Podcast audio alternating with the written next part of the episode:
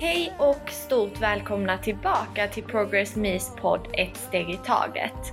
Jag som pratar heter Cornelia och idag har vi också med oss psykolog Malin från ätstörningsenheten Resund och även gästen Linnea Ginnemark. Välkomna! Tack. Eh, Malin, vill du berätta lite vem du är och vad Resund är för något? Ja, eh, jag är eh, psykolog eh, och har jobbat med ätstörningar i eh, ungefär två och ett halvt år eh, på en mottagning som heter Resund behandling som ligger i Malmö. Eh, Det är en dagsjukvårdsmottagning eh, där vi tar emot eh, alla typer av ätstörningar eh, för behandling med en metod som heter CBT CBT-I och CBT-10. Okej, och hur, eh, hur slussas man till er eller hur hittar man er? Mm. Eh, oss kan man komma via remiss och egenanmälan. Så man kan söka via vår hemsida på helt egen hand. Okej, Eh, och det är för att vi tänker att det är många som eh, har en ätstörning som tycker att det är jättesvårt att söka till vården. Eh, precis. och då tycker vi att det är superviktigt att man på en ganska lätt väg ska kunna Mm. Få kontakt med vården helt enkelt. Så man kan komma på både remiss och egenanmälan till oss. Ja, men är ni privata eller? Eh, vi är en privat verksamhet som jobbar på upphandling av landstinget. Okej. Eh, och vi har, driv- bedriver ju framför allt dagsjukvård. Mm. Så det är liksom en högre vårdnivå än öppenvård. Mm. Eh, men en lägre vårdnivå än slutenvården. Så man kan säga att man Okej. går i behandling varje dag, 8 till halv 4. Mm. Eh, I en lite mer intensiv behandlingsform. Mm. Hur länge brukar man vara hos er i Mm. behandling? Det är alltifrån eh, 10 veckor till kanske upp till eh, 6 månader. Lite beroende på eh, vilket skick man kommer i. Okej. Så. Tack för att du delar med dig och tack för att du har kommit hit idag. Ja, jätteroligt. Ja, men det är eh, bra också tror jag för lyssnare och så vidare att eh, också få höra från ditt håll som psykolog Mm, och från det. en ätstörningsenhet. Mm. I detta eh, avsnittet så kommer jag och Malin ihop med Linnea prata om menstruation, graviditet, p-piller och viktuppgång.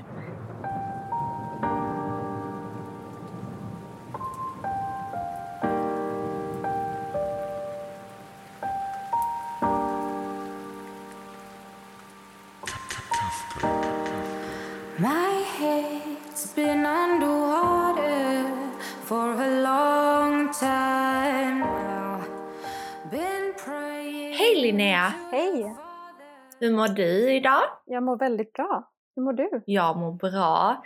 Det, ja, men det rullar på. Jag har precis flyttat till Stockholm och är ny där. Men eh, Spännande. ja, men nu är jag faktiskt hemma i Malmö igen och eh, ska packa de sista grejerna och sen åka upp igen. Så.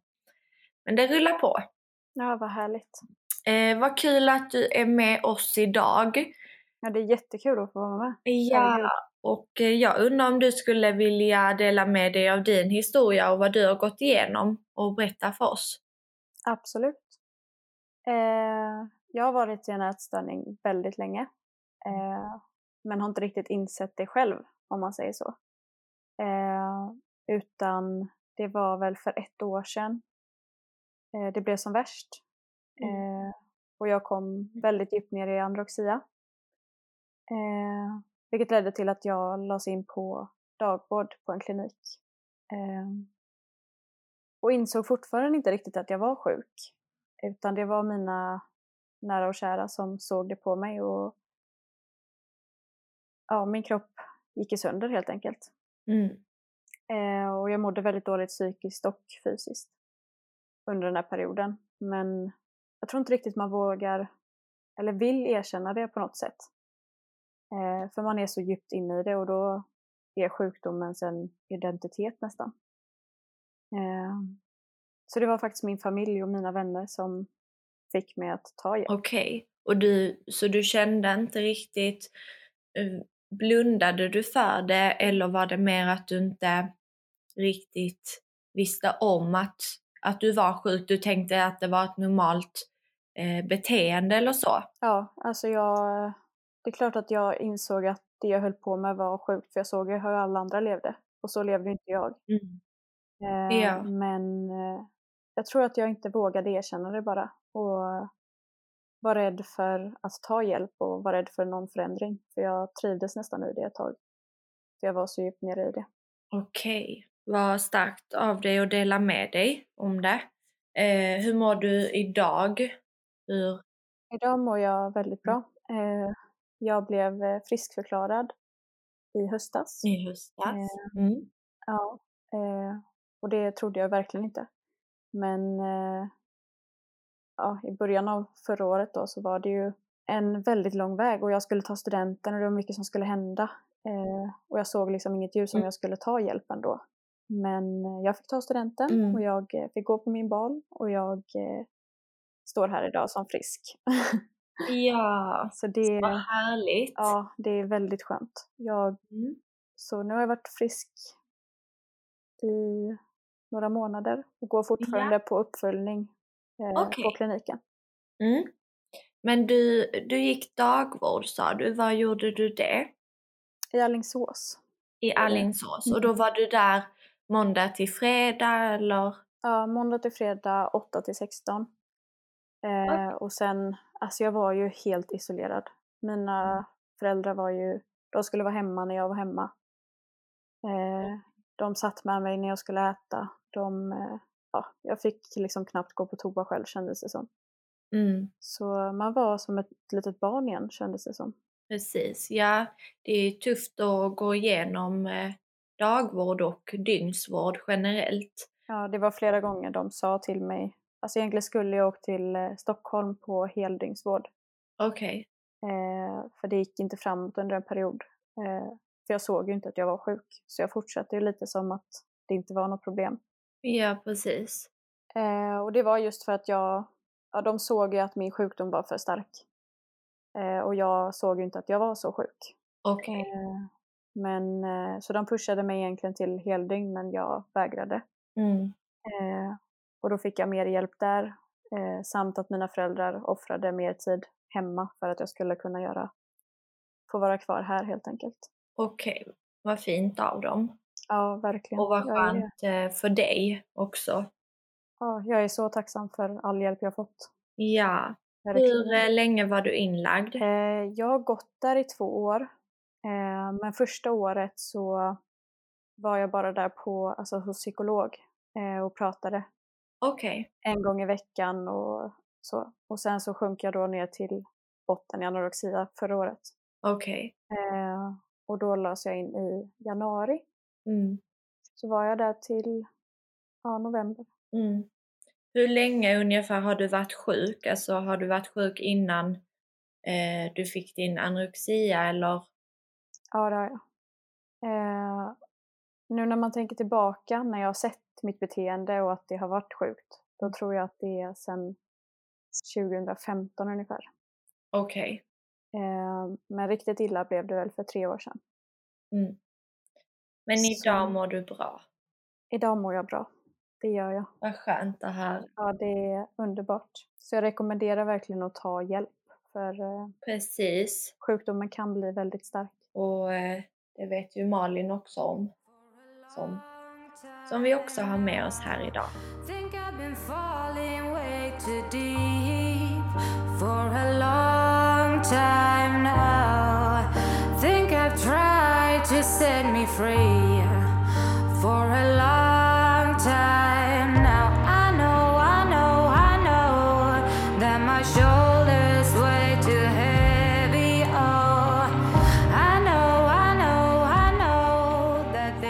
jag tänkte om du Malin ville börja med att prata lite kring dagens ämne.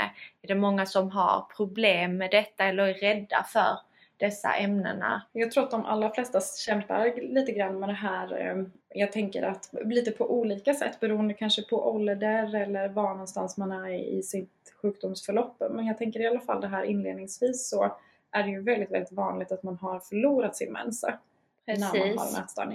Mm. Eh, Och det kallar vi för amenorré. Mm. Ehm, och det har ju helt enkelt att göra med att eh, kroppen får ju liksom inte riktigt tillräckligt med energi för Precis. att eh, producera eh, östrogen. Mm. Och då får man ingen ägglossning. Och i slutändan så får man heller ingen menstruation. Mm. Eh, vad jag tänker här också är om, om det är många som är sjuk i en ätstörning och får utebliven mens. Om de är rädda att få tillbaka den. Mm. Som, som att det är kopplat då till att de tycker att de har gått upp i vikt och att det är därför de har fått tillbaka den. Det är ganska vanligt att man har en, att många ändå har en rädsla för att få tillbaka mensen. Mm. Eh, det kan också vara så att, att många tycker att det kan vara ganska skönt att få tillbaka mensen. Så att det kan vara Mm. både lite både och. För att de, vissa personer upplever att när mensen kommer tillbaka så är det ett tecken på också att, att kroppen faktiskt fungerar. Ja, och att man är på bättringsvägen. Mm. Men många tycker också att eh, det i sig är väldigt oroväckande för att man gärna tolkar det som att oj, men vänta nu har jag ju gått upp i vikten.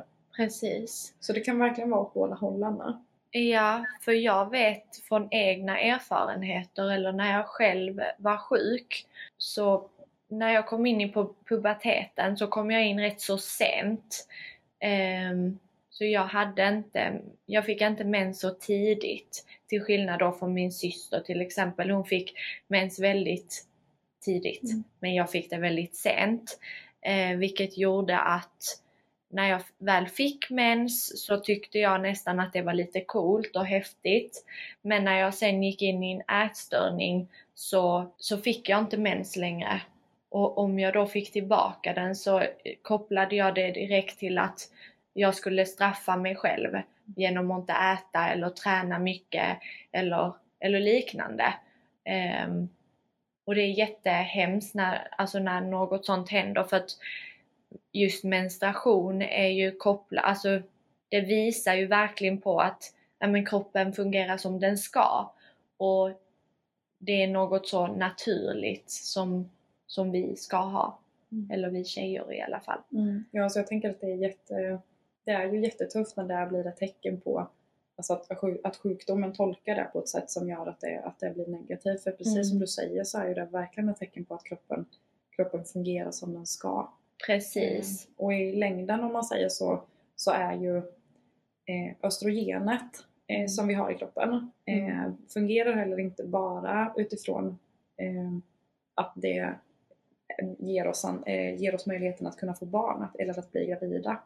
Utan östrogenet har ju även andra funktioner i kroppen. Mm. Till exempel så har vi östrogen också för att kunna bygga upp vårt skelett, Mm. skydda skelettet. Ja. Så är det så att man har utebliven mens under en väldigt, väldigt lång period så kommer det också ge inverkan på till exempel skelettet och, Okej. och öka sannolikheten för benskörhet. Okej. Så att östrogenet fyller ju även andra funktioner i kroppen Mm. eh, som, gör, som gör oss liksom starka och vitala. Eh, så så att, eh, det är viktigt att komma ihåg att eh, mensen är inte bara ett sätt för kroppen att visa att, att den har möjlighet att få barn utan den, det fyller även andra funktioner. Okej, men om det är så att man, eh, som vi också kommer att prata om idag, p-piller. Mm. Om man går på p-piller Mm. eller ehm, vad heter det? Preventivmedel. Mm. Heter det Ja. Ja, det kan det heta. Ehm, är det så då att om man har utebliven mens flera månader, har man då inte det här östrogen eller?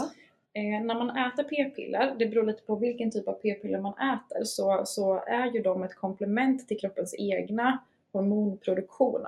Mm. Så p-piller skapar ju på ett sätt eh, en, en, vad ska man säga, en lite fejkad mens kan man ju säga. Okej, Eh, det är ju inte så att man har kvar sin ägglossning nej. när man äter p-piller utan eh, den försvinner ju. Mm. Däremot så tillför man ju de här hormonerna till kroppen som, som kroppen ändå behöver. Okej. Så att har man utebliven mens för att man inte har p-piller så ger det Mm. inte den negativa inverkan som ifall man har utebliven mens till följd av att man har till exempel en för låg vikt. Okej. Utan det ger helt olika konsekvenser. Mm. Så det kan vara viktigt att komma ihåg. Intressant, Mm. verkligen.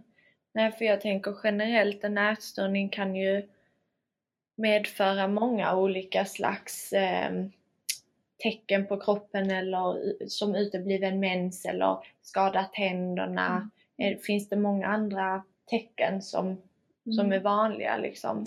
Det Om finns man- ganska många olika tecken som tyder på att kroppen inte riktigt fungerar som den ska. Mm. Eh, Jag tänker att de första tecknen är egentligen eh, som man får vid en ätstörning när man har en, när man har en svältpåverkan som vi säger. Det vill Mm. säga att man får inte i sig tillräckligt med energi. Mm. Det kan ju vara till exempel att man upplever koncentrationssvårigheter, ont i Mm. huvudet, Mm. man känner sig trött och orkeslös.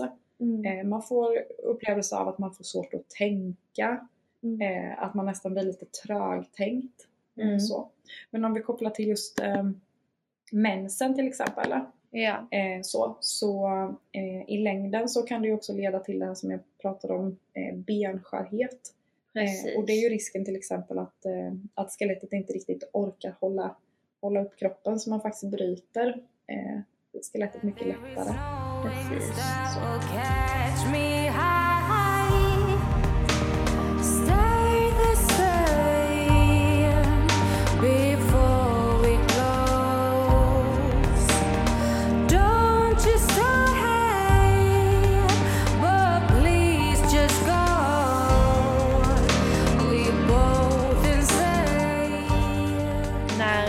jag var sjuk eh, så var det dels det här som jag sa tidigare att eh, jag tyckte det var jobbigt med mensen.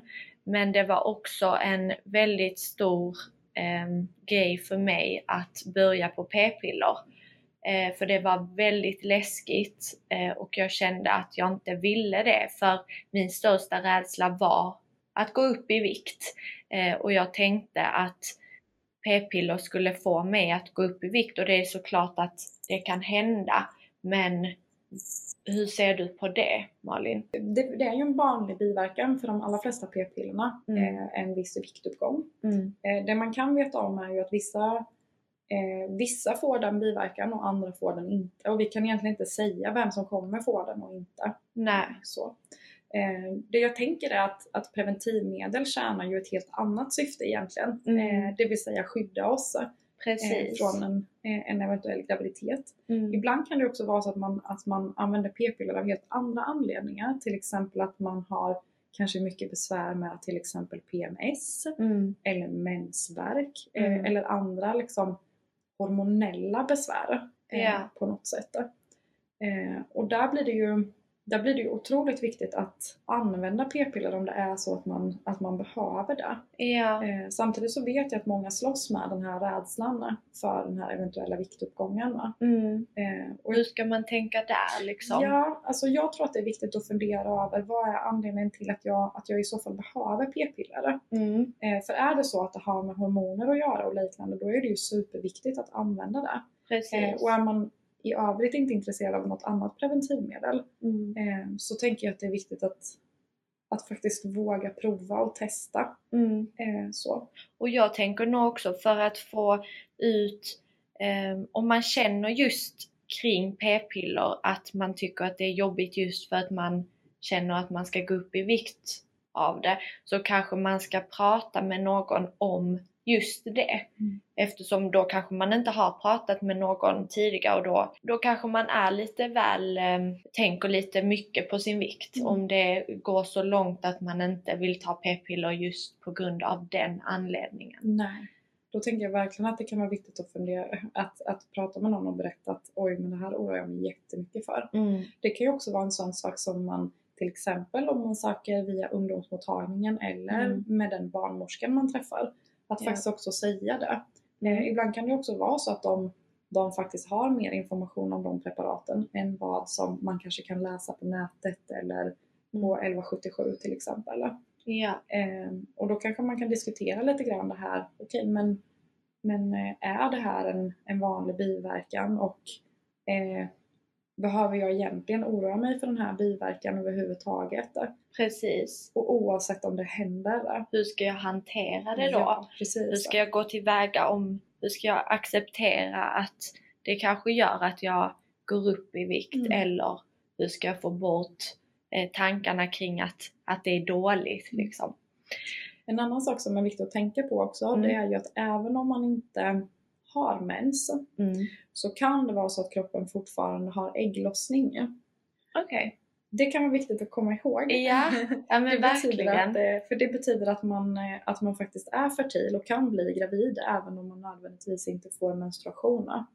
Okej. Eh, och det kanske också talar för att, att är det så att man, man är liksom sexuellt aktiv Mm, eh, och inte vill bli gravid, mm. eh, att man på något sätt skyddar sig Ja, eh, oavsett om man har mens eller inte.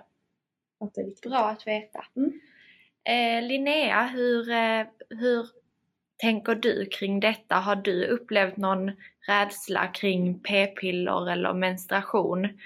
Ehm, har du gått igenom något kring detta själv? Ja, verkligen. Jag känner igen mig i mycket ni säger. Ehm, och det var just det. Eh, jag gick på p-piller när jag blev inlagd på dagvården. Eh, så jag hade ju då fejkad mens. Mm. Eh, men som vi såg på alla prover och allting så sa min behandlare till mig, hade du inte ätit p-piller idag då hade du inte haft din menstruation. Ja. Eh, för jag har ändå sett det, eller jag såg det som något friskt, för jag fick ju min mens varje månad, eller när jag släppte fram den liksom. Okej. Eh, så det var väl även det som speglade in att jag såg inte att jag var så sjuk.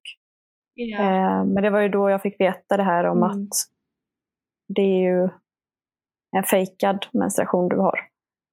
Eh, och då sa hon det till mig, för min största dröm är ju att få barn i framtiden. Eh, och då sa hon det, gör du ingen förändring nu så är det en väldigt liten chans, för din kropp är så nedbruten. Så det fick väl mig att tänka om helt. Okej, vad bra. Ja, verkligen. Men eh, Ja, för jag har verkligen hört båda Mm. delar där kan man säga. Det är väldigt många som, eller väldigt många ska jag inte säga, men det finns en del som känner att när de får en ätstörning att det här med graviditet och att få barn blir något som skrämmer personen och eh, vilket gör att de, de aldrig vill skaffa barn eller de vill inte ha mens, de vill inte eh, allt det här. Och känner Mm. väl att de är väl så pass eh, sjuka in i en ätstörning att, de, att det tar över hela dem. Ja, exakt. och sen för vissa eh, så kan det vara så som i ditt fall att eh, man, man stannar upp och får, får det bekräftat för sig att om man inte gör något åt det nu så kan det bli en risk att man aldrig kan få barn. Mm. Eh, Nej, men det var först när jag tog provtagning och såg att faktiskt mina organ och min kropp har tagit stryk som jag fick en tankeställare. ja. Innan har jag också tänkt så, de säger bara så för att hota mig eller liksom, Mm. eh, jag ville ju inte gå upp i vikt, så var det ju bara. Men det var väl först då när man fick facit i hand på att min kropp inombords mår verkligen inte bra. Precis. Vad säger du om vill- detta Malin? Det man kan se om man tittar på, eh, det man kan se när man tittar på forskning är att eh, när man inte får ägglossning så har man ingen möjlighet att bli gravid. Mm. Eh, så. Eh, för då har vi, alltså kroppen utsöndrar inte, eller släpper inte äggen som då också kan bli befruktade. Okej. Eh, så. Det vi kan se eh, är att eh, när man får tillbaka sin ägglossning Mm. eh, så ser man att fertiliteten återtar sig. Eh, så att tidigare så har vi trott att organen kanske kan skadas till den graden att de aldrig mer kan få tillbaka funktionen. Mm. Och vid väldigt långvarig svält så finns det en risk för det. Mm. Men i de allra flesta fallen så, så återfår man sin fertilitet till 100%. Okej. Så. Mm. Eh, Så det tänker jag, och det är väl det som ofta är en morot för många tänker jag, som jag tror att du kanske känner igen dig i Linnea, att, att, att veta att om jag, om jag ändå lyckas få tillbaka mensen så, så har jag faktiskt möjlighet att bli gravid. Ja, verkligen. Det var, ja, det var väl det som började ställa om mina tankar på riktigt. Mm. Eh, jag tänkte också kring, är det, om man har en ätstörning eller så, kan det påverka då fostret eller ehm, Ja, om man väl tänker- är gravid? Ja, om man väl är gravid så är det, då ser vi att det finns eh, en ökad risk för komplikationer. Mm. Eh, och de är bland annat att vi ser att eh, det är vanligt förekommande att barnen föds för tidigt. Mm. Eh, så kroppen orkar liksom inte hålla barnet riktigt lika länge Okej. som eh, hos en person som inte har en ätstörning. Mm. Så. Eh, vi kan också se att eh, vissa av de barnen som föds eh, av personen som har en ätstörning, Mm. att de är, eh, tenderar att vara lite små. Eh, Okej. och att, eh, framförallt att huvudet är ganska litet. Mm. Så vi ser att barnet tar stryk av Mm. att, att den som bär barnet har en ätstörning. Mm.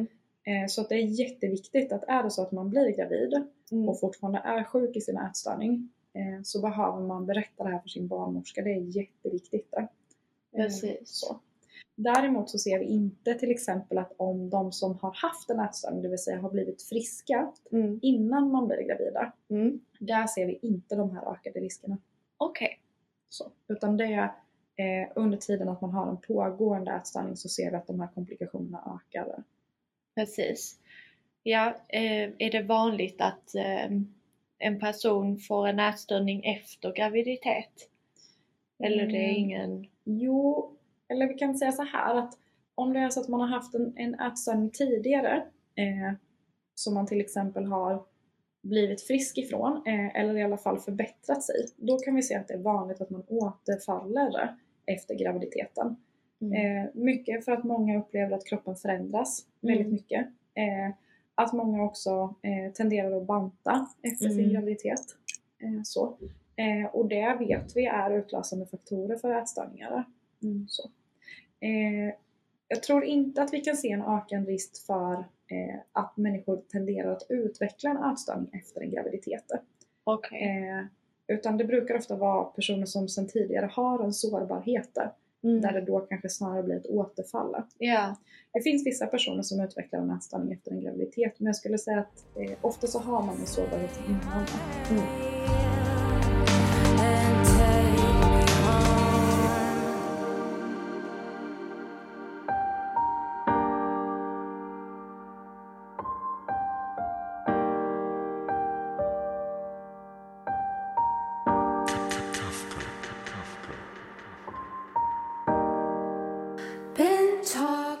Som jag förstår det så har du också Linnea ehm, haft det svårt med både då menstruation och eh, p-piller och graviditet och hela denna biten och känt, känt av kring dessa ämnena.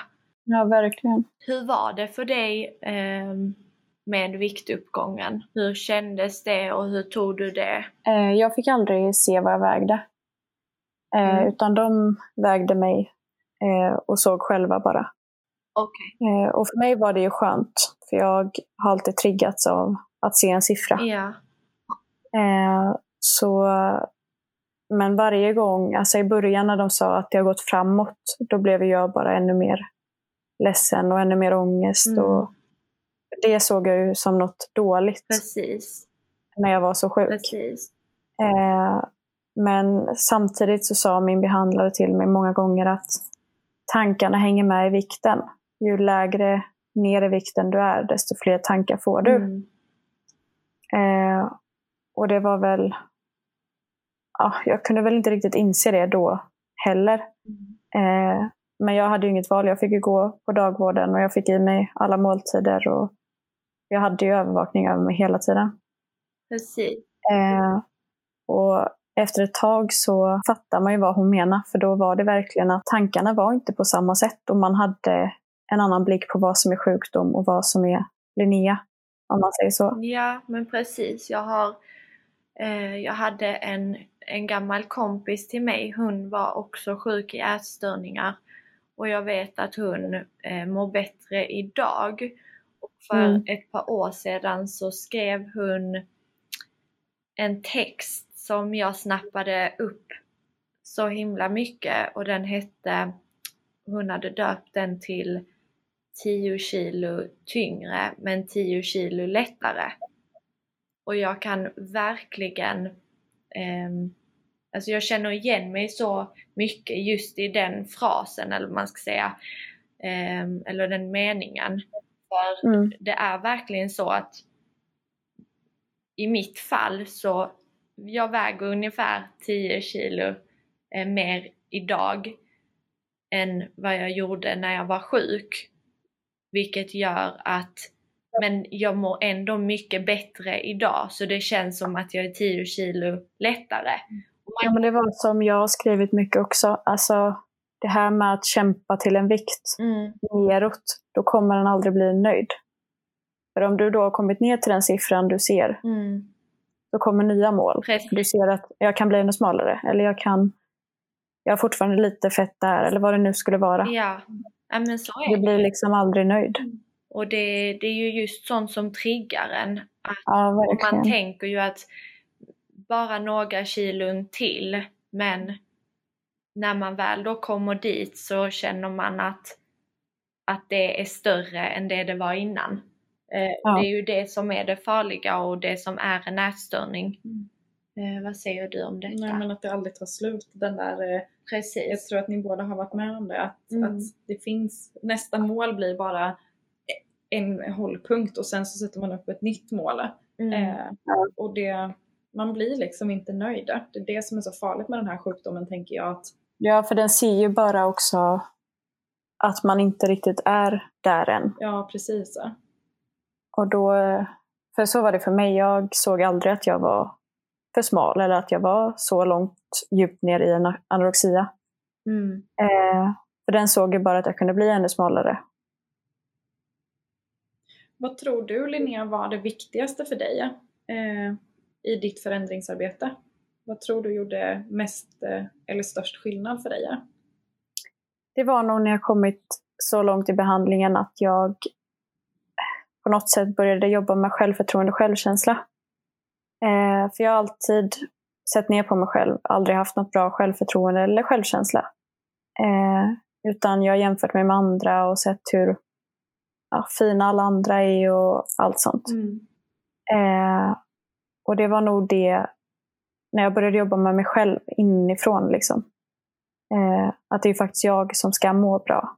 Jag började lyssna på mycket poddar om självförtroende och ja, men insåg att det finns ingen annan än mig själv jag ska göra det här för. För ett tag gjorde jag allting för min mamma, pappa, min kille, min syster som jag såg tog allting så himla illa. Det var liksom inte kul att komma hem för vi Mm. hade inte den familjekänslan för jag hade lite förstört den. Så på något sätt satte jag bara, jag satte ner foten helt enkelt och bara okej jag ger det en chans. Och är det någonting jag alltid velat ha så är det ett självförtroende och en självkänsla.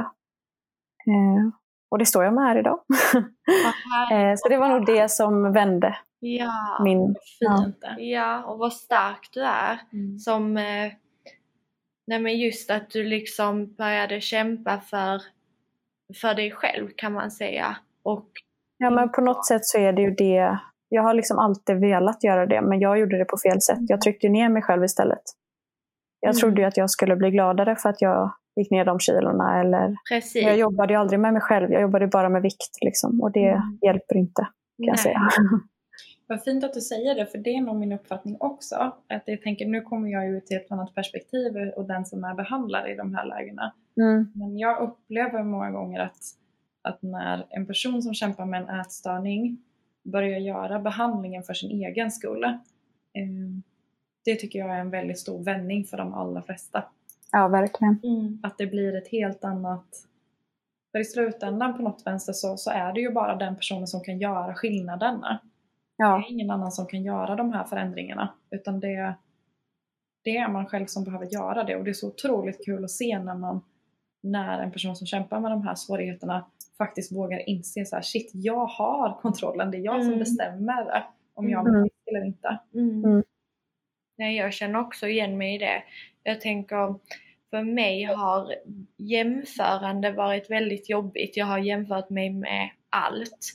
Eh, och jag kan känna det än idag, att jag kan komma in i perioder då jag jämför mig jättemycket med ja, men, tjejer på Instagram eller kompisar eller någon som jag ser på stan eller eh, min pojkväns eh, tjejkompisar eller alltså liknande.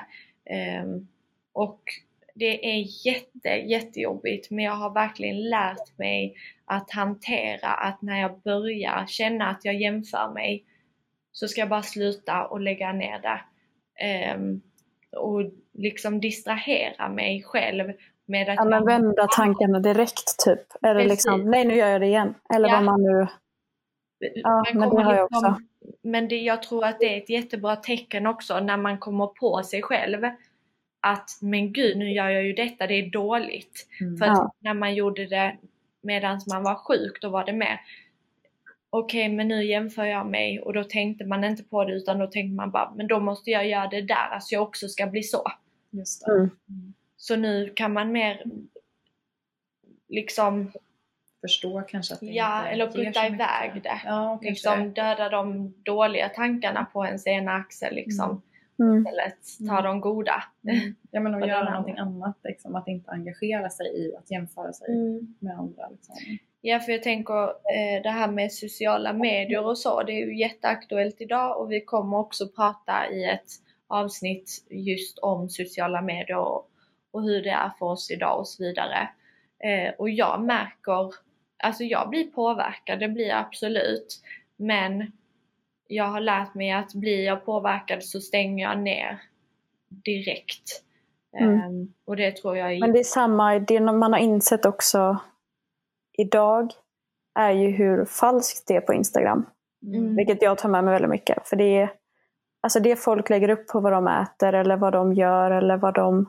Alltså det finns en baksida av det också. De äter liksom inte bara det som är där på den bilden kanske. precis. Eller har det perfekta livet i ett annat land eller vad som helst. Det finns alltid en baksida på det. Precis. Ja, och Så att man är bara det. ser en så himla himla liten del av en människa Ja. på, ett, eh, på ett socialt medie. Liksom. Att det är Ja. bara en enda aspekt i det. Och precis som du säger, nej, jag har ingen aning om vad den personen äter mer eller vad den gör när den har lagt ner telefonen. Eller Mm. ibland kanske ens om den har gjort allt det där som, som det ser ut som. Ja. Mm. Ja, men det är därför också jag har velat öppna mig lite om just min resa. Mm. Eh, för det är många som har sagt till mig, vadå, du har ju det perfekta livet eller du, du har väl inte dåligt självförtroende eller liksom så. Och utåt sett kanske inte jag har varit sån. För jag har döljt det själv, man har ju den fasaden. Mm.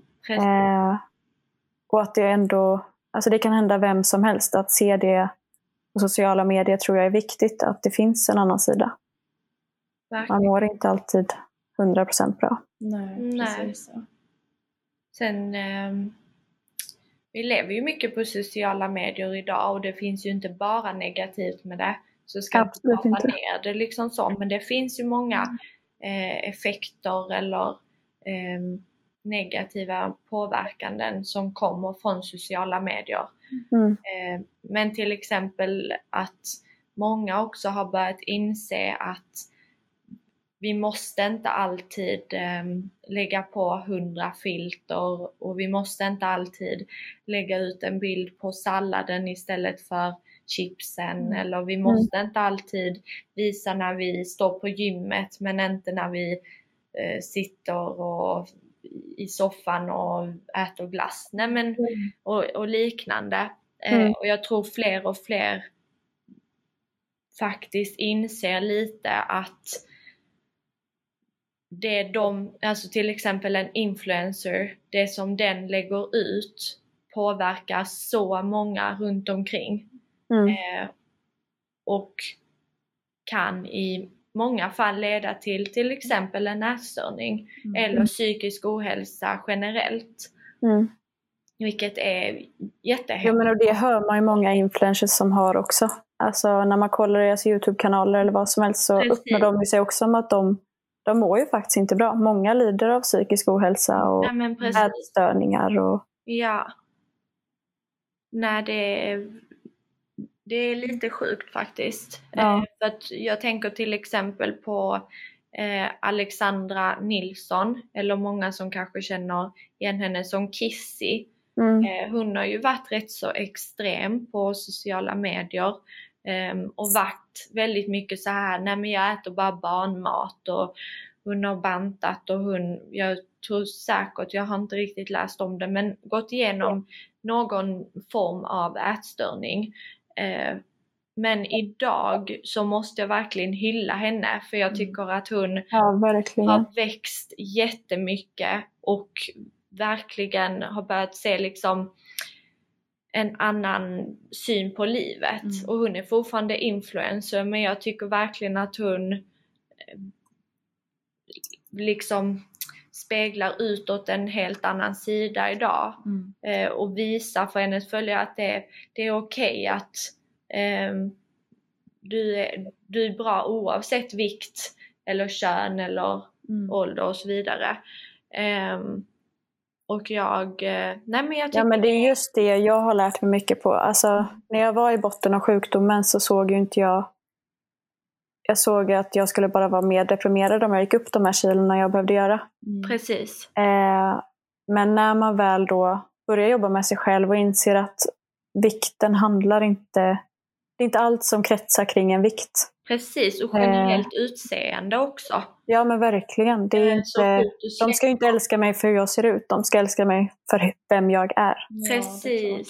det. Mm. Eh, och så är det ju verkligen. Alltså den här bubblan kring utseende och jag är verkligen fixerad själv, det vet jag. Men jag jobbar också på det varje, varje dag för att tycka om mig själv för den jag är.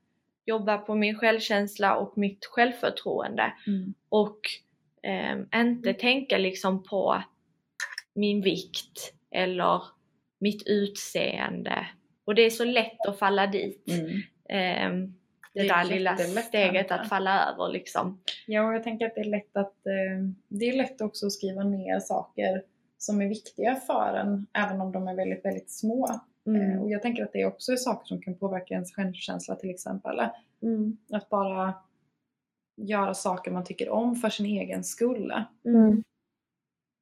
För mig blev det lite en, alltså att man fick börja om nästan. Man fick hitta de sakerna man faktiskt gillar igen. Ja. Eh, för jag, alltså jag hade till största del bara träningen. Mm. Eh, sen skulle jag ju försöka hitta tillbaka vad jag gillade att göra förutom träningen. Eller Mm. hitta tillbaka till mina kompisar, till arbetet, till skola. Mm. Alltså det blev en jätteomställning för mig. Eh. Vilket jag gillade, men jag visste ju inte riktigt vad jag gillade.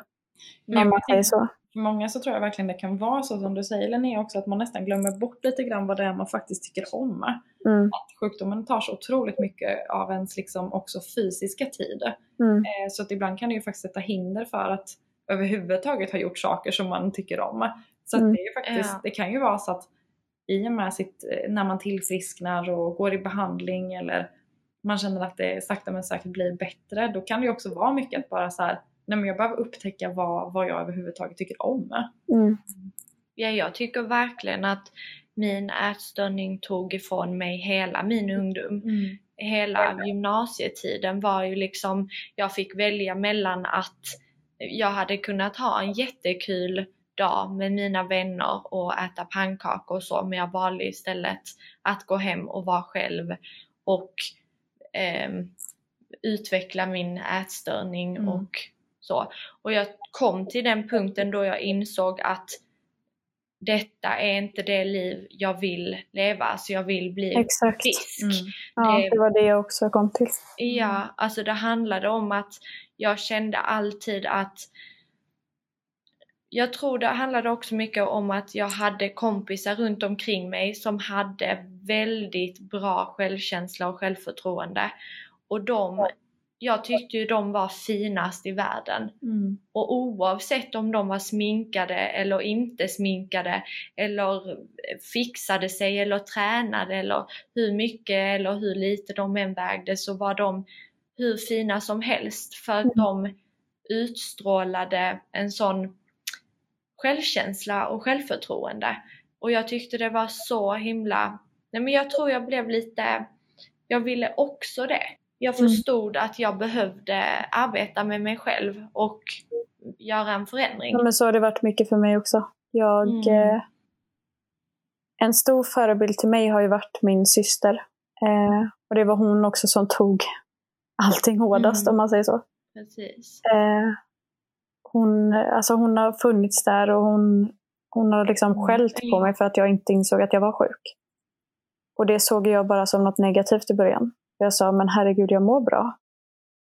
Men eh, hon såg ju bara att ja, jag smälte bort liksom.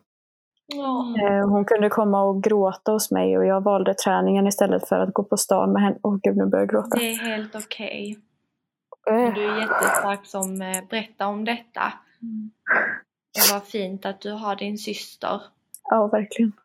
Mm. Och det är sånt man ser tillbaka till på idag, hur man, hur man har betett sig mot andra. Fast det inte har varit en själv så mår man ju väldigt dåligt över det. Mm. Det har ju liksom varit en sjukdom. Men det är mycket man har gått miste om. Ja. Och det är ju, jag tänker också att i efterhand så kan ju det också vara en viktig, en viktig del också att faktiskt bara få, få vara ledsen över det som faktiskt inte blev heller. Ja, verkligen. Att våga ta hand om, vad ska man säga, den sorgen. Mm. Ehm, och ibland så kan det ju faktiskt kännas lättare att, att ibland också säga det till dem som till dem som man faktiskt också känner att så här, jag är så otroligt tacksam över allt det du gjorde och jag är så ledsen att det blev så här. Ja, Jag, jag kunde inte fatta bättre beslut i den, i den stunden. Jag gjorde så gott jag kunde och jag är otroligt Mm. glad där jag är nu. mm. ja, det har du helt rätt i. Det kanske man har varit dålig på också. Nu är... Nej, jag, tror att, jag tror att hon eh, kommer att lyssna på det här. Ja, det hoppas jag. Ja. Nej, men eh, alltså att ta hjälp är nog det bästa man kan göra. Ja. Vad bra. Och framförallt reflektera över när folk säger till att mår du verkligen bra eller Alltså när folk ser att du börjar gå för långt, att du lyssnar på det. Hur Ja. fel den känns. Mm. Mm. Kanske att det växer en lite, sås ett litet frö i alla fall. Ja, men exakt. Och att man också ska våga säga till någon annan att eh, om det är något så finns jag här och jag, jag kan hjälpa dig om det är så att du behöver prata med någon eller om du vill prata med mig. Mm. Så, men visa att man eh, är rädd om den andra. Ja, men exakt. Been crying, I think I screamed for a long time now.